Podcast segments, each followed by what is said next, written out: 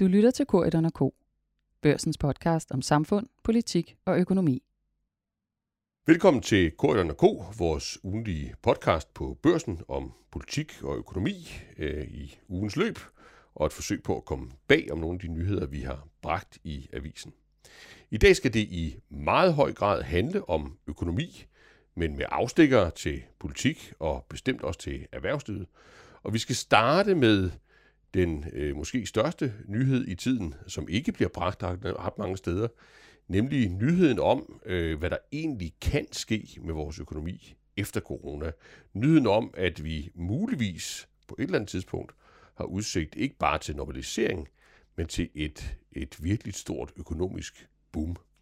Og til det formål, jamen, så har vi øh, vores cheføkonom øh, Sten Bokan i studiet, og vores politiske kommentator, Helle Ip. Velkommen til jer. Tak. Tak. Og vi kan jo starte med, med Sten, og vi kan jo starte med at give ham en, en lejlighed til at, at skyde sin øh, chef øh, fuldstændig ned. Øh, fordi skal vi prøve at komme rundt, Sten, om den her, øh, om den her tese, altså at der, der venter et en, endda temmelig kraftigt økonomisk opsving ude i, i horisonten. Jeg gætter på, at relativt mange mennesker vil sige, øh, hvad er det for noget? Altså, øh, vi er stadigvæk i corona. Øh, det er vel ovenikøbet ved at blive værre med corona i, i nogle lande, øh, mange europæiske øh, lande. Øh, vores allesammens nationalbankdirektør var ude her i, i den her uge, det, det havde vi relativt meget om i børsen, og skrue lidt ned for sine forventninger til, til 2021. Så, så, så, så hvorfor har vi snakket om, at der måske ligger noget andet i horisonten? Man kan jo grundlæggende sige, at grunden til, at øh, økonomierne er i krise, og det er de jo sådan set stadigvæk, øh, det er, at vi har den her coronapandemi, mm. som gør, at vi har en lang række restriktioner, og vi alle sammen agerer anderledes, end vi plejer at gøre, fordi vi ikke kan komme uden for vores dør, og vi er nødt til at holde afstand til alle andre mennesker.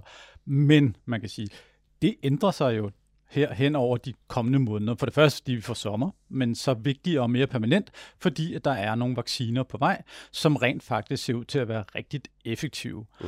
Og så kan man sige, jamen så får vi jo lige ja, vi pludselig... bare tilbage til der, hvor vi startede? Jo, så er vi jo sådan set, kan man sige, i udgangspunktet i en situation, hvor vi kan komme tilbage i, i det gænge, vi var i, inden corona øh, satte ind. Men man kan også godt forestille sig en situation, hvor øh, vi ikke bare kommer tilbage til den gænge, som vi befandt os i, men rent faktisk får et ret kraftigt opsving. Og det kan, kan man sige, er der flere årsager til. For det første, fordi at man her under krisen har haft opsparet relativt mange midler i husholdningssektoren. Øh, vi har holdt igen med at forbruge, primært jo fordi vi ikke har kunnet forbruge, mm. øh, eller ikke har ture forbruge. Mm. Og øh, derudover så har vi fået, i, i hvert fald i Danmark, et ret massivt indkomstløft, eller øh, hvad skal vi sige, forbrugsmulighedsløft ved, at øh, feriepenge er blevet frigivet. De næste portioner kommer her om, om ganske kort tid.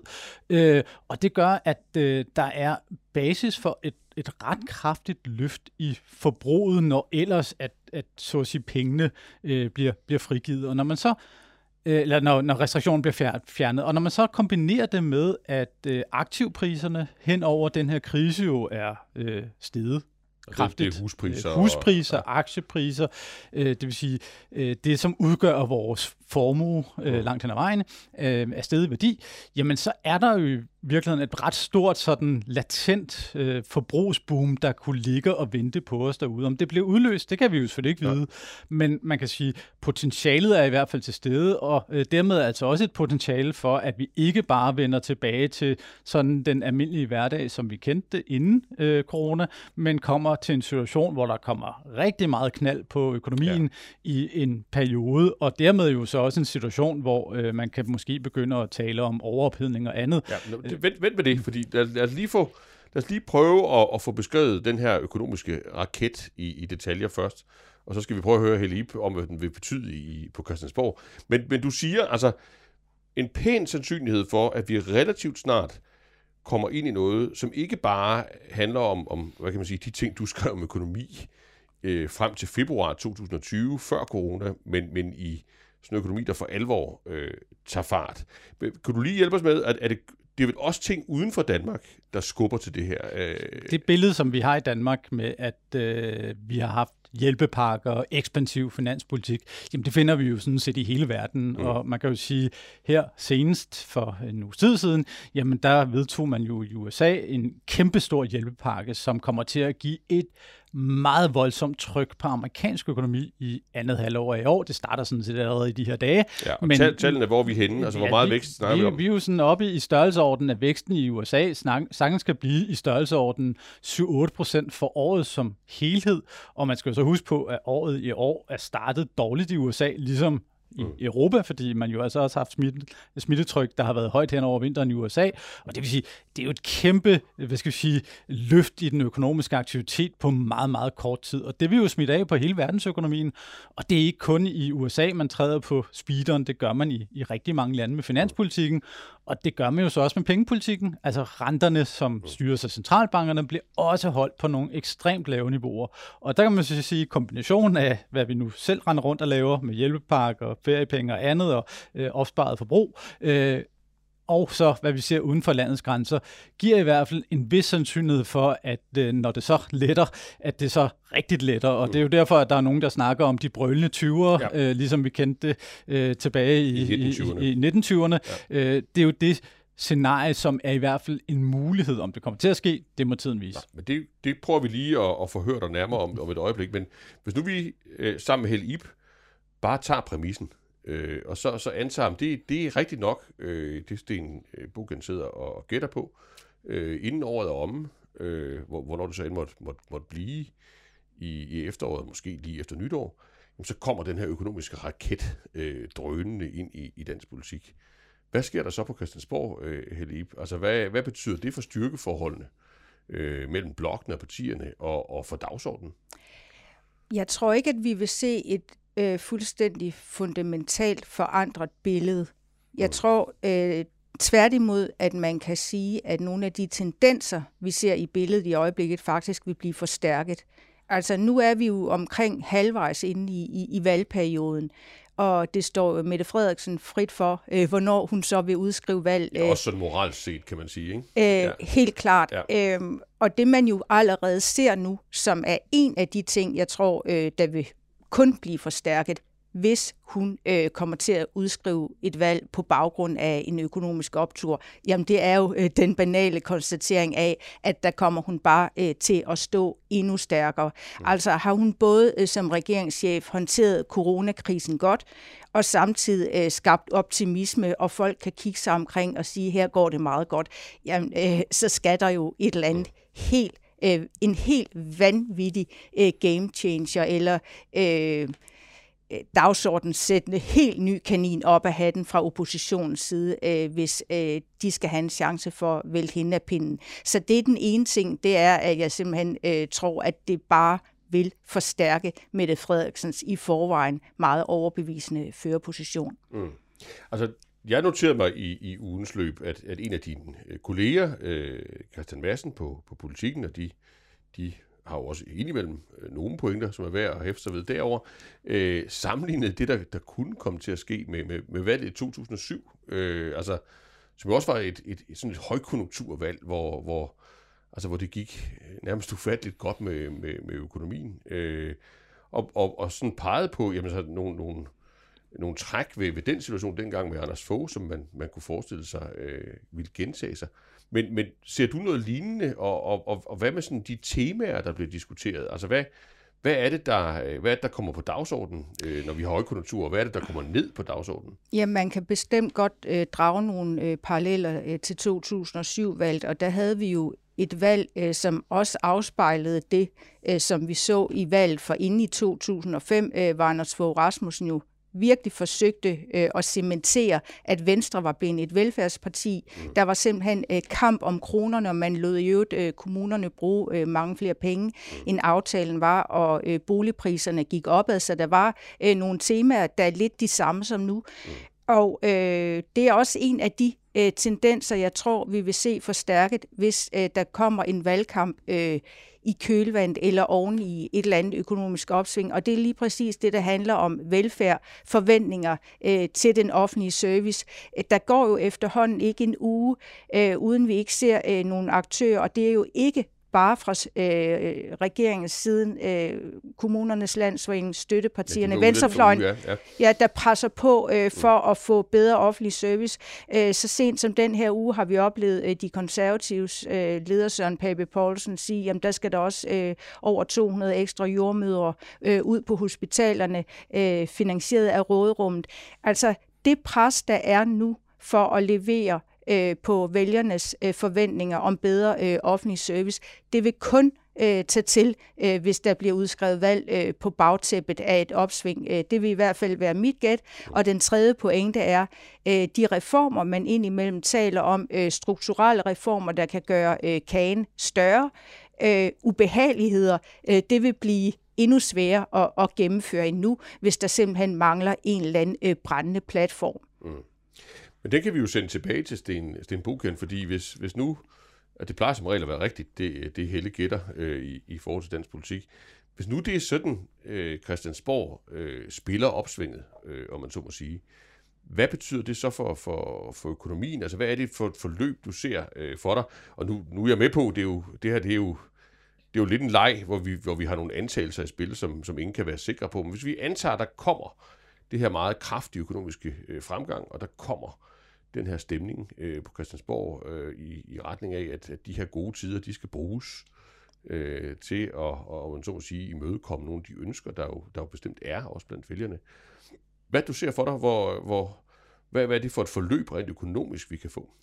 Det er jo sådan en meget klassisk øh, politik-økonomi-forløb, nemlig at øh, når det går fremad, så i stedet for at stramme på den økonomiske politik, som man jo bør gøre alt andet lige, øh, for at lige at dæmpe gemytterne en lille smule og sikre, at ting ikke overopheder, jamen så så vi jo eksempelvis i, i årene der omkring 2007, det er stik modsatte, selvom at man kan sige, at der er rigtig gode argumenter for at stramme, jamen så ender man med at, at lempe den økonomiske politik, fordi at forventningerne til, hvad den offentlige sektor skal kunne levere, jamen de stiger i opgangsperioder, man sammenligner det med det samtalekøkken, man lige selv har fået bygget, og så mm. tager man ind på et sygehus og ser, at sådan ser det ikke ud derinde, og så synes man jo i og for sig, at, det burde det også der.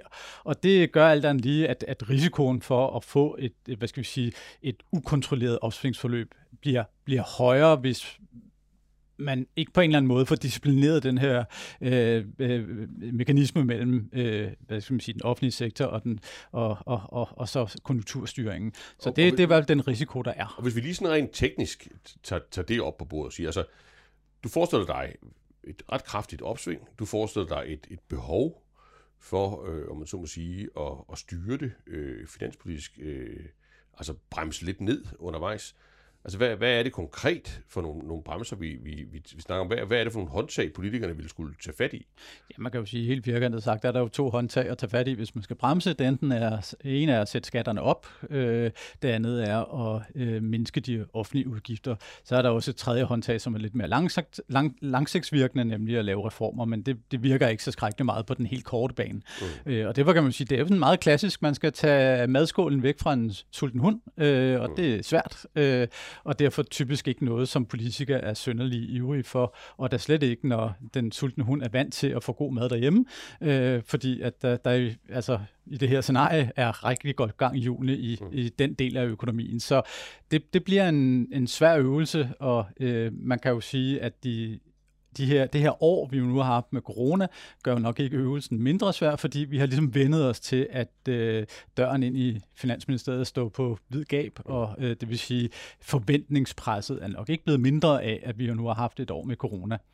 Øh, det billede, du ser, øh, Helib, altså Christiansborg, altså det her med at, at træde på bremsen, findes, altså findes det overhovedet og i, sådan i, i værktøjskassen rundt omkring i, hos partierne? Jamen, det vil, vi jo, det vil vi jo få at se, hvis ja. vi rent faktisk kommer i en situation, hvor der er så kraftig overophedning, at en hvilken som helst finansminister øh, om ikke andet så for at vide af sine øh, embedsmænd, nu må vi hellere skride ind. Men øh, selvfølgelig er det svært af mange årsager i øjeblikket, og en af dem er jo også den, øh, Sten Bog kan nævner, at øh, politikerne gennem det seneste år har været i den usædvanlige, men øh, for politikere meget, meget lækre situation, at de kunne dele penge ud øh, til højre og venstre i hjælpepakkerne, øh, udpege forskellige typer erhverv, målgrupper, alle mulige felter i samfundet mm. har fået, uden at politikerne i selvsamme omgang har været nødt til at pege på finansiering. Det er jo en usædvanlig situation, og det har ikke lige frem virket disciplinerende. Jeg synes, vi ser flere og flere små og større forslag, og det er ligegyldigt, om det er den grønne omstilling eller det er velfærdsinitiativer, hvor det der med finansiering, jamen det er noget, man øh, skubber lidt ind under gulvtæppet, eller tænker, jamen det finder vi ud af hen ad vejen. Ja. Og det er faktisk øh, et billede, jeg synes øh, bredt øh, hen over partierne. Og læg hertil, at øh, Venstre jo også under øh, Lars Løkke Rasmussen i sidste valgkamp øh, slog ind øh, på Socialdemokraternes øh, øh, pejlemærke tema om, at øh, velfærdsudgifterne altid skal følge det demografiske træk. Altså den her form for garanti for velfærd, øh, for hvor meget øh, den offentlige sektor, det offentlige forbrug skal vokse år på år. Den har Jakob Ellemann øh, som ny venstreformand jo også taget med sig. Og det vil sige, at der er sådan set øh, fra rød og blåt hold øh, skabt øh, en forventning om, at man kan blive ved med at levere øh, på den her velfærd, også mere og mere og bedre og bedre, uden at der egentlig er øh, øh, særlig mange dristige forslag til, hvordan sikrer man det også på længere sigt og gøre kagen større. Så der er en, en disciplineringsudfordring. Men altså, jeg synes jo, I har hjulpet os med at få sådan et, øh, et, et ret øh, sprødt scenarie øh, stablet på benene. Altså et, et økonomisk boom, øh, en, et, et politisk system, øh, som øh, hvor vi ser nogle mønstre, vi har set, set før. Men skulle vi lige runde af med at gøre det konkret og, og, og få, lidt, få lidt gætværk på banen? Altså, Sten Bukian, hvor, hvornår, hvor meget og hvor længe? Øh, efteråret i år er et godt bud på, hvis det skulle komme til at ske, øh, hvor det ligesom begynder at tage fart. Fordi ja. man kan sige, der begynder vaccinerne at være så udrullet, at det gør en stor økonomisk forskel, samtidig man jo altså har i blandt andet USA et kraftigt boom formodentlig. Øh, så kan man sige, hvor meget, ja, det afhænger jo selvfølgelig af, om, om vi mennesker ændrer adfærd, altså om vi begynder at bruge af de opsparede midler, vi har. Øh, hvis vi gør det, så er der basis for et ret stærkt økonomisk opsving, som kan vare et godt stykke tid. Og, øh, og nu er du jo, nu er du jo i, i, i mediebranchen, så, så vi kan godt bede dig om at gætte på et tal. Altså, hvad er det for en vækstprocent, der vi taler om? Jamen, så kan det jo sagtens være sådan noget 3-4 procents vækst, ud over det, som der var øh, bare fra at genoprette økonomien. Ikke? Øh, mm. Og det vil sige noget, som godt kan lægge et rigtig godt pres på arbejdsmarkedet eksempelvis. Når det er sagt, og alle bekymringerne er sagt, skal man selvfølgelig så også glæde sig over. Det vil så betyde, at vi så ret hurtigt kommer ud af den krise, vi er i, og mm. dermed altså også, at vi får udnyttet nogle af de ressourcer, som lige nu ja. står parkeret. Men man kan sige, der kan altså være nogle bekymringer for, om det her det i virkeligheden ender med at blive for meget af det gode. Ja, og det er det sidste spørgsmål. Hvor, hvornår er det så, man støder ind i de her kapacitetsgrænser i økonomien, hvor, det... hvor dig og dine kolleger begynder at, at hejse nogle advarselsflag? Jamen det gør man jo i virkeligheden meget snigende. Mm. Øhm, altså ved udgangen af året er det jo Nationalbankens ret forsigtige prognoses forventning, at man er tilbage til produktionsniveauet inden krisen. Mm. Øh, hvis det går hurtigere end det, jamen så øh, begynder man jo så allerede der omkring at, at løbe ind i nogle reelle kapacitetsbegrænsninger i, i dele af økonomien. Men man kan jo sige, at erfaringen fra opsvinget fra 13 til 2019, øh, jamen det var jo i virkeligheden, at, at, det kom sådan lidt mere snigende end som så, og det er jo også det, der gør det svært politisk. Jeg har svært ved at forestille mig eksempelvis, at man træder på bremsen i 20 21, altså i år. Øhm, det bliver måske noget, man kan gøre i løbet af 2022 med effekt i 2023 tidligst. Og det vil sige, det kan nok få lov til at løbe ret langt. Øh, det er i hvert fald mit bedste bud, ja. før at man sådan kommer til at gøre noget. Og der spiller det jo også ind i det politiske, at, at et valg begynder jo så også at være tæt på. Og ja. det vil sige, at øh, så har man måske ikke specielt meget lyst til at gøre ret meget ved det, øh, så hellere tage chancen og se, om det ikke går alligevel. Øh, vi ved jo ikke præcis, hvor kapacitetsgrænsen for vores økonomi er. Vi ved ikke, hvornår vi overopheder. Vi kan bare kigge på det og sige, der er en risiko, men man kan jo håbe på, at det ikke er en risiko, der sådan materialiserer sig i en decideret krise eller en decideret overophedning. Og hvis Sten har ret, og det går præcis som han forudser, øh, øh, hvornår begynder politikerne på Christiansborg så at tale om mangel på arbejdskraft og om øh, finanspolitiske stramninger og, øh, og reformer, der måske kan, kan hjælpe med at afbøde lidt af det her, i hvert fald på længere sigt? Jamen, jeg tror, hvis det overhovedet er muligt, vil øh, regeringen øh, forsøge at skubbe øh, nogle af de omtålige spørgsmål til om på den anden side af et valg. Det kan man jo også se øh, med de dagsordner, der ligger, øh, arbejdsudbud, øh, grøn omstilling osv. Nogle af de mere ømtålige spørgsmål er sådan set allerede tilrettelagt på en måde, så det kan være, at det først bliver efter næste valg, men så er spørgsmålet jo også, hvornår kommer det? Øh, og øh, der er der jo spekulationer øh, på Christiansborg og i ministerierne om, øh, hvorvidt øh, Mette Frederiksen kunne finde på at slå det sammen øh, med øh, kommunalvalg til november. Så er man et, øh, et godt stykke over øh, noget, et godt stykke videre end halvvejs. Mm. Øh, jeg synes, det er svært at øh, gisne om præcis, hvad ja, er hvis så I, lige... Hvis I både kan gætte valgdatoen og Ja, vækstprocenterne, så ja, vil I gøre og- det ganske godt. Og hvornår det er ved at brænde sammen i form af overophedning, Ja. ja. og hvilket indgreb der så må komme. Det er måske lige øh, øh, at forvente nok, at, at man kan svare på det. Men der er i hvert fald en ting, jeg føler mig overbevist om, og det er, at kommer valget øh, på et tidspunkt, hvor det går så godt i økonomien, øh, forbrugertilliden er høj, øh, følelsen i husholdninger blandt virksomheder og optimisme, man, optimisme man, man ser sig omkring, har fået flere penge mellem hænderne, øh, ledigheden er lav osv., og øh, regeringsblokken samtidig står stærkt, så venter der faktisk også en anden, øh, en anden udfordring øh, for Mette Frederiksen, og det er, at det kunne jo øh, se umiddelbart besnærende ud, hvis nogle af meningsmålingerne holder stik, og hun ender med at få rent rødt, rent rødt flertal, mm. altså med øh, enhedslisten og SF, at det faktisk er nok, og man så kan øh, skære helt de radikale fra. Men det vil jo så bare byde øh, på et andet problem i lyset af det, vi taler om nu. Øh, venstrefløjen har jo løbende været øh, utilfredse med, at de ikke synes, der er leveret nok øh, på velfærden, øh, i den offentlige service, i alle de forbedringer, de gerne vil have gennemført.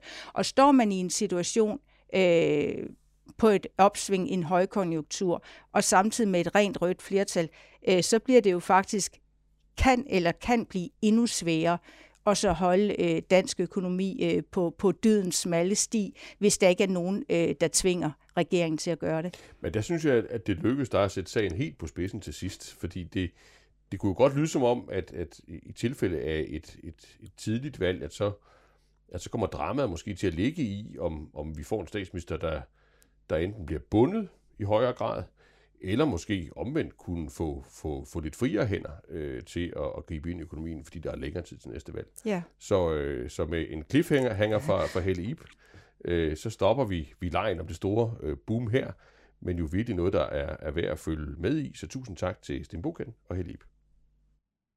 Så har vi fået besøg af vores økonomiske redaktør, Ken Præfke, og vi har beholdt vores øh, cheføkonom, øh, Sten Buchen, i studiet. Og det har vi gjort for at tale om øh, noget så øh, praktisk og konkret som fragt. Øh, og før man, man øh, slukker for podcasten her, så skal jeg lige øh, skynde mig at gøre opmærksom på, at, at når vi taler om fragt, jamen, så gør vi det, fordi øh, Kenneth øh, sådan set i, i ugen, der gik her, begyndte at interessere sig for lige præcis det her emne, som sådan en vej ind til at forstå, hvad der er ved at ske med, med økonomien øh, efter corona. Øh, og det tror jeg, du er bedre til at forklare, end, øh, end jeg er kendt. Og du begynder at kigge på det her øh, med, øh, hvad der egentlig sker. Der er jo, der er jo sket noget med, med fragtpriserne i verden over, de, over de, den seneste tid. Øh, og det greb du fat i, øh, i i ugen, der gik. Kan du, kan du ikke lige prøve at, at, at hjælpe os med at forstå, hvad, hvad det var, du opdagede? Jo. Altså det første, der øh, får en til at spære øjnene op, det er, når man ser, hvad der sker lige nu. Øh, hvor vi jo stadigvæk har en, øh, en pandemi, som øh, har påvirker øh, øh hele verden, og derfor skulle man tro også påvirker rigtig meget, hvor meget vi sådan handler på tværs af grænser. Mm. Øh, men det, der er tilfældet, er, når man kigger på den store samlede øh, verdenshandel, så er den faktisk tilbage på det niveau, som den var øh, før coronakrisen ramte. Og nedenunder det ligger der så øh, det, at øh, der bliver købt helt vildt mange varer fra øh, Asien øh, og Kina især i en grad, så der ikke er container nok at stoppe de her varer ind i, og der er ikke skibe nok øh, til at fragte øh, container til Europa med alle de øh, plastikdimser øh, og elektronik og øh, hvad vi ellers gerne vil købe, når nu øh, vi ikke kan gå på restaurant eller tage ud og, og, og rejse. Og det har så sendt prisen på at sende ting rundt i verden helt altså gennem, gennem skyen. Mm.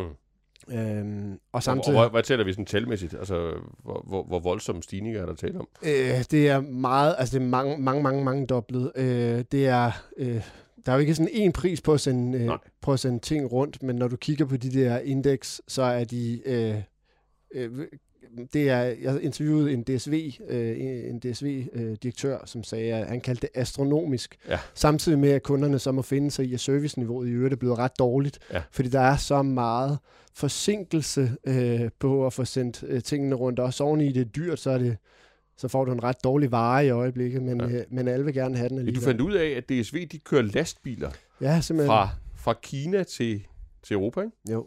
Altså, så, så når du skal have ting fra, øh, fra øh, Asien eller fra Kina i, i gamle dage, så vil du smide det på øh, et, et, et containerskib. Mm. Men der mangler container, der mangler skibe. Ellers kunne du sende det på et fly. Men der flyver ikke rigtig noget, for der er ikke nogen mennesker at, øh, at, at flyve rundt. Så øh, og priserne er blevet så høje, så det simpelthen er blevet en forretning, der kan betale sig. Ja. Og, øh, og starte, starte en lastbil i Kina, og så ja. køre den mod Europa. Ikke? Ja. Stakkels chauffør. Ja. Så, så, så Sten Bukke, når, når du så sidder og kigger på, på det der, og, og øh, læser med øh, hos Kenneth, øh, og vil også give en kommentar, det, er, altså, det var vel ikke lige præcis det, du, du sad og forventede, da den her krise ville gik i gang tilbage i, i marts. Er det, er det ikke rigtigt? Og der var forventningen med, at vi ville se verdenshandlen altså få et ordentligt, et ordentligt slag, øh, og det fik den vel også til at starte med. Altså, jeg forventede naturligvis præcis, hvad der kom til at ske, men hvis vi lige tager det ud af ligningen, ja, ja. så har du nok ret. Ja. Øh, nej, der er ingen tvivl om, at da vi stod i, i marts sidste år, jamen, så så vi jo et kæmpe kollaps i den globale handel. Mm. Vi kunne ikke få leveret ting, øh, fordi de ikke blev produceret, fordi produktion blev lagt ned, og det vil sige, at forsyningskæderne brød jo i vid udstrækning sammen, og øh, man var jo sådan reelt bekymret for, øh, om vi kunne få de ting, vi skulle bruge øh, mm. fra Asien, øh, fordi øh, der var perioder, hvor der ikke blev produceret, hvad vi var vant til, og, og det var svært at få det øh, til vores del af verden. Så, så øh, verdenshandlen gik voldsomt i stå, men kom jo så øh, meget hurtigt tilbage og ligger nu på, på høje niveauer igen. Og det er vel et symptom på det, som, øh, som Nationalbanken beskrev som det såkaldte K-formede opsving, mm. øh, hvor der er nogle dele af økonomien, som sådan går nedad som det her ene ben i kået. Uh. Øh, det gælder oplevelsesøkonomien, øh, det gælder øh, sådan alt, hvad der har med, med menneskenær aktivitet, øh, mens der er andre dele, der sådan set boomer, øh, og der kan man sige, at hvis vi ikke kan bruge pengene på oplevelser, jamen så kan vi bruge dem på at måske istandsætte vores hus, eller måske købe et nyt. Øh, det er der jo mange, der gør i de her tider. Eller også, ja, så bliver der måske investeret i ny elektronik, eller et nyt bord, eller noget andet, der gør, at det hjem, vi nu engang har, bliver en lille smule mere attraktivt at, at opholde sig i.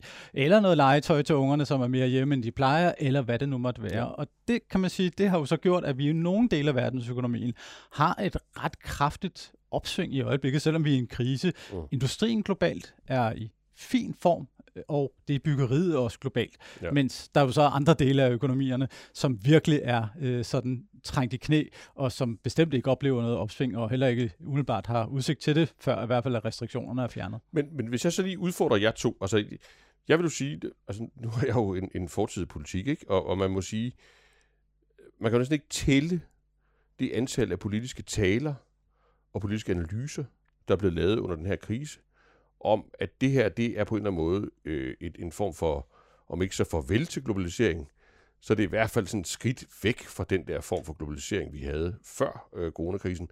Nu øh, trækker vi tingene hjem. Nu handler det om at, øh, om man så må sige, have kontrol over de ting, der foregår inden for ens egne landegrænser. Vi har haft vaccinediskussionen her i, i Danmark. Trods med, at vores egen statsminister har holdt en, en, en dag et par taler om, at, at nu nu gør vi tingene på en anden måde efter det her øh, chok. Men er det, I siger, sådan ud fra sådan en kølig økonom øh, vurdering, det er, at tallene fortæller en anden historie. Øh, altså, at, at markederne i, i virkeligheden løber i en, en, en anden retning, eller er det, er det lige at stramme den en tand for meget kendt? Du kan i hvert fald ikke se, at lysten til at sende ting på tværs af grænserne øh, endnu har, øh, har ændret sig. Altså, øh, de kilder, jeg talte med, da jeg lavede historien ja. tidligere på ugen, de siger, når det handler om medicinal, og når det handler om værnemidler, og nogle af de ting, som vi manglede for et år siden rigtig meget, og som førte til nogle af de der taler, der kommer man nok til at se et eller andet. Nu har vi også lige haft statsministeren i Israel, fordi nu skal vi måske have en vaccinefabrik øh, osv. Det er ligesom et eller andet særligt, ja. øh, hvor der nok kommer til at ske noget andet, hvor vi gerne vil have en produktion tættere på. Mm. Men som der, øh, øh, som der også er en, øh, øh, kilde, øh, der siger Philip Schrøder, som er øh, professor i økonomi på Aarhus Universitet, jamen vi så jo egentlig, at det var mere bøvlet at få ting fra Norditalien end fra Kina, ja. da vi lige var ude over det første ugers øh, panik. Så det der med at have det produktion i Norditalien i stedet for Kina, det er ikke sikkert, det havde hjulpet øh, nogen øh, Men lad os lige prøve at holde fast, fordi øh, udover politiske taler og politiske analyser, så synes jeg også, at jeg har hørt endda et, et, et par økonomer eller erhvervsanalytikere sige, jamen forsyningskæderne øh, i, i den globale økonomi, de vil blive kortet ned. Altså det her, det handler om, jeg tror det hedder resiliens med et, et, et fint ord, altså man skal være man skal være robust, man skal kunne tage sådan et, et, et, en, en krise som coronakrisen, og så skal man have tingene tættere på. Men, men den artikel, du skrev i den her uge, den, den peger jo faktisk øh, i den modsatte retning, eller, eller gør på en eller anden måde. Der er nogle kilder, der gør oprør imod det synspunkt. Er det, er det ikke korrekt? Jo, jeg synes i hvert fald, der er to overraskende ting i forhold til det billede, der også var i mit hoved, da jeg begyndte på researchen til den her historie, hvor jeg også tænkte, nu skal jeg høre en masse eksempler på, af øh, virksomheder, der tidligere havde produktion i Kina, de har nu øh, trukket det hjem og har det i Østeuropa, hvis det er en europæisk virksomhed ja. for eksempel. Det kan man ikke rigtig se eksempler på endnu. Nej. Og det virker også som om, at man skal tænke forsyningssikkerhed på en anden måde, end bare det, det ligger tæt på. Altså det handler om, at det kan blive produceret som den ene vigtige faktor, og så den anden vigtige faktor, altså det vi, øh, der er det store problem lige nu, ikke så meget at få det produceret, medmindre man mangler nogle særlige råvarer, men det er at få det fragtet rundt, altså det vi startede med at snakke om. Yes. De to ting kommer der helt sikkert øh, til at være fokus på, at man kan få tingene produceret, og man kan få det hjem. Men det betyder altså ikke nødvendigvis, at man skal have produceret det i sin, øh, sin sin baghave, det er der andre øh, øh, veje til. Øh. Ja, jeg, jeg tror måske også, det er vigtigt at sige, at, at øh, det er måske i virkeligheden svært lige nu at se, hvor vi ender henne. Fordi lige nu så er vi i den der ekstreme situation af, at vi alle sammen har indkomster, som vi hele tiden har haft på grund af diverse hjælpepakker, mm. men vi har ingen steder at gøre vores gode penge, fordi vi kan ikke komme ud og rejse, vi kan ikke komme på restaurant. Nej, og så køber vi jo ligesom altså. nogle flere af de her debedutter, mm. der i hvert fald indtil videre er blevet produceret i Kina. Ja. Og ting flytter sig jo ikke så nemt produktionsmæssigt fra det ene år til det andet. Altså hvis nu øh, havde jeg nær sagt dem, der sælger elektronik i, i Europa, tænker at det kunne måske være meget fint at have en supplerende leverandør, der bor i Rumænien og producerer dernede, eller i Ungarn, eller hvor det nu måtte være. Så er det jo ikke måske lige nu det nemmeste i virkeligheden at få flyttet den produktion, fordi der er en masse begrænsninger ja. i Europa. Og derfor tror jeg, at vi skal, vi skal nok være lidt ydmyge med hensyn til de langsigtede virkninger af det her, fordi det kan jo sagtens være, at vi om fem år så har set trods alt, at der er nogen, der tænker, de lad, lad os supplere i hvert fald ja. ved vores gode fabrik ude i Kina med en fabrik, der ligger en lille smule tættere på, så vi har noget at, at byde ind med, hvis der skulle komme en, en ny pandemi. Ja. Øh, og det kan man jo ikke afvise. Man kan jo sige, at øh, coronapandemien er jo bare en af mange af samme type pandemier, som vi har haft over de seneste 20 år. Det er jo så bare den første, der er blevet rigtig alvorlig, men nu har vi jo så set, hvor alvorlig sådan en kan blive. Og mm. det vil sige, det er jo ikke utænkeligt, at der er nogen, der vil tænke sådan. Det må tiden lidt vise. Jeg tror bare, det er svært at måle det lige nu, ja. fordi vi er i den meget mærkelige forbrugssituation, at øh, når du er mærkelig årsager betaler mig løn, jamen så har jeg ikke så meget at, at bruge min løn på, som jeg plejer at have. Altså jeg kan ikke fordele det ud på de varer og tjenester, jeg normalt vil gøre. Jeg, jeg fokuserer det mere på nogle øh, sådan, øh, varer, som ofte så er produceret i, i Asien. Ja, så man skal ikke, fortol- man skal ikke overfortolke øjebliksbilledet. Det er dybest set det, du siger. Men, men er der altså igen kendt, altså jeg synes, jeg læser nogle af dine kilder sådan, at, at, øh, at de også ser noget strukturelt, altså at de også ser øh, et, et Asien, måske i særlig grad et Kina, der simpelthen performer bedre øh, i, i forhold til, hvad kan man sige, forsyningssikkerhed, øh, i hvert fald under en, en, en pandemi. Men, men er det mig, der overfortolker dine kilder der? Nej, nej, det er det ikke. I hvert fald ikke den kilde, der hedder Philip Schrøder, som nej. jeg også uh, talte om før. Han siger måske det, der er det allermest sådan, uh, provokerende uh, at tænke på, og som er det stik modsatte. Det siger han også, at det han selv tænkte mm. for et år siden, hvor han også var en af de økonomer, der sagde, jamen det her må betyde, at vi skal have styrket forsyningssikkerheden, og det må betyde, at man skal have flere producenter, og det må også betyde, at de skal ligge tættere på. Nu har han vendt på en tallerken, øh, fordi man har set, at Kina har været øh, F- hårde, øh, men effektive til at få bekæmpet coronavirus, øh, er meget længere ude af krisen. Stort set alle andre lande mere eller mindre vendt tilbage til noget, der er normalt. Det kan godt være et argument, siger han, for at man i virkeligheden har lyst til at lægge sin produktion i Kina. Fordi mm. det er ikke, med undtagelse af de råvarer, som det er svært at, at få, de input, det er svært at få i produktionen, og det er det på nogle områder i Kina, men også alle andre steder, så har, så har det faktisk vist sig, at Kina ret hurtigt kunne vende tilbage til der, hvor de kunne producere Ja. øh, de dimser, som igen er det der bill, øh, spejlbillede af, at nu har vi problemer med at få øh, flyttet alle varerne ud af, af Kina. Og det er jo i hvert fald, øh, må man sige, at vende 180 grader i forhold til den, det han selv siger, øh, han, han troede for et år siden. Jamen respekt for, når, når professorer og journalister gør det. Øh, det ser man jo ikke øh, nødvendigvis hver dag. Men, men hvis, hvis vi prøver lige at, at få jeres hjælp til så at, at løfte blikket for, for det her øh, fragtperspektiv, så siger man, okay, hvor, hvor står tilstanden så henne i, i, den, i den globale økonomi? Altså den her forskydning imellem øh, de, de store regioner og, og handelsmønster. Altså hvem, hvem vinder det her slag øh, økonomisk, i, i hvert fald i første omgang, Stenbogen? Ja, man kan jo sige indtil videre, at det er jo Kina faktisk, der har vundet ved, at de har jo fået pandemien så godt under kontrol, selv Mm. mm. uden ret mange vacciner, at øh, det reelt ikke er nogen udfordring for den kinesiske økonomi længere. Men ellers må vi jo så sige, at øh, så er det jo dem, der mest effektivt får vaccineret deres befolkninger først. Mm. Og der står vi i Europa lidt langt tilbage i køen, for nu at sige det pænt. Mm. Øhm, og derfor så må vi jo bare konstatere, at det ser ud til, at øh, amerikanerne øh, løber med, med guldet, når vi lige ser bort fra, fra Kina, og, og med dem måske også Storbritannien, hvorimod øh, det europæiske samarbejde jo står noget vingeskudt tilbage, øh, fordi at man til synligheden ikke har fået forhandlet nogle særlig gode kontrakter igennem med dem, der leverer vaccinerne, til trods for, at rigtig mange af dem produceres i Europa, Mm. jamen, så står man ret meget bag i køen. Og det kan jo selvfølgelig godt give nogle, hvad skal vi sige, store geopolitiske forskydninger, at, at vi ser det billede, øh, altså det her billede af, at Europa endnu en gang, havde han sagt, sakker bagud. Lidt, lidt ligesom vi så med finanskrisen. Den havde ikke sit udgangspunkt i Europa, men ramte jo meget hårdere i Europa, og det er måske det, der er risikoen en gang til. Øh, og øh, ja, der må vi jo bare sige, at øh, det er, er, er øh, desværre jo den del af verden, vi befinder os i, og derved så også noget, som kommer til at trække ned i vores økonomi, øh, hvis det her det bliver billedet. Så sådan et, et, et, et, et halvgråt økonomisk billede for Europa relativt set. Ja, i hvert fald relativt set. Absolut set, så vil det formodentlig være et billede, hvor vi i løbet af de kommende måneder kommer til at opleve ret pæn fremgang, også i Europa. Fordi Mm. trods alt, nu kommer vi ind i en sommerperiode, der falder smitten altså ret øh, ofte, altså falder smitten ret sandsynligt, og så får vi jo trods alt også forhåbentlig, der i løbet af sommeren og måske efteråret øh, vaccineret rigtig mange mennesker. Mm. Øh, og øh, så kommer vi jo også i gang, men altså, man kan jo sige, i USA, der er man jo altså virkelig godt i gang, og der er man også i Storbritannien med at vaccinere, og det vil sige, de er allerede i den situation, hvor de sådan mere alvorligt kan diskutere, hvordan de fjerner restriktionerne. Der er vi jo i Europa i en anden situation. Det er Mm. flere restriktioner, tredje smittebølge, der er på, på dagsordenen her. Og, og, og Ken, det, det, det er også det, kilderne læner sig ind i, altså en, nogle forandringer, der måske giver, giver permanente forskydninger i, imellem regionerne, eller, eller er det et skridt for langt i forhold til, hvad en fragtanalyse kan, kan bære med sig? Altså, der tror jeg, vi havner lidt tilbage til det, som Sten han øh, sagde, at øh, med at vi ved ikke rigtigt, hvad der kommer til at ske på den anden side af det her, fordi det er så ekstraordinært. Det vi står i lige nu, og det er svært helt at skille ad, Mm. hvad der er det ekstraordinære, og hvad der er det blivende. Det var i hvert fald svært for mig at få nogen til at lægge hovedet på blokken. Mm. Herunder nogle af dem, der transporterer varerne rundt i verden og sige, at det er her, vi skal...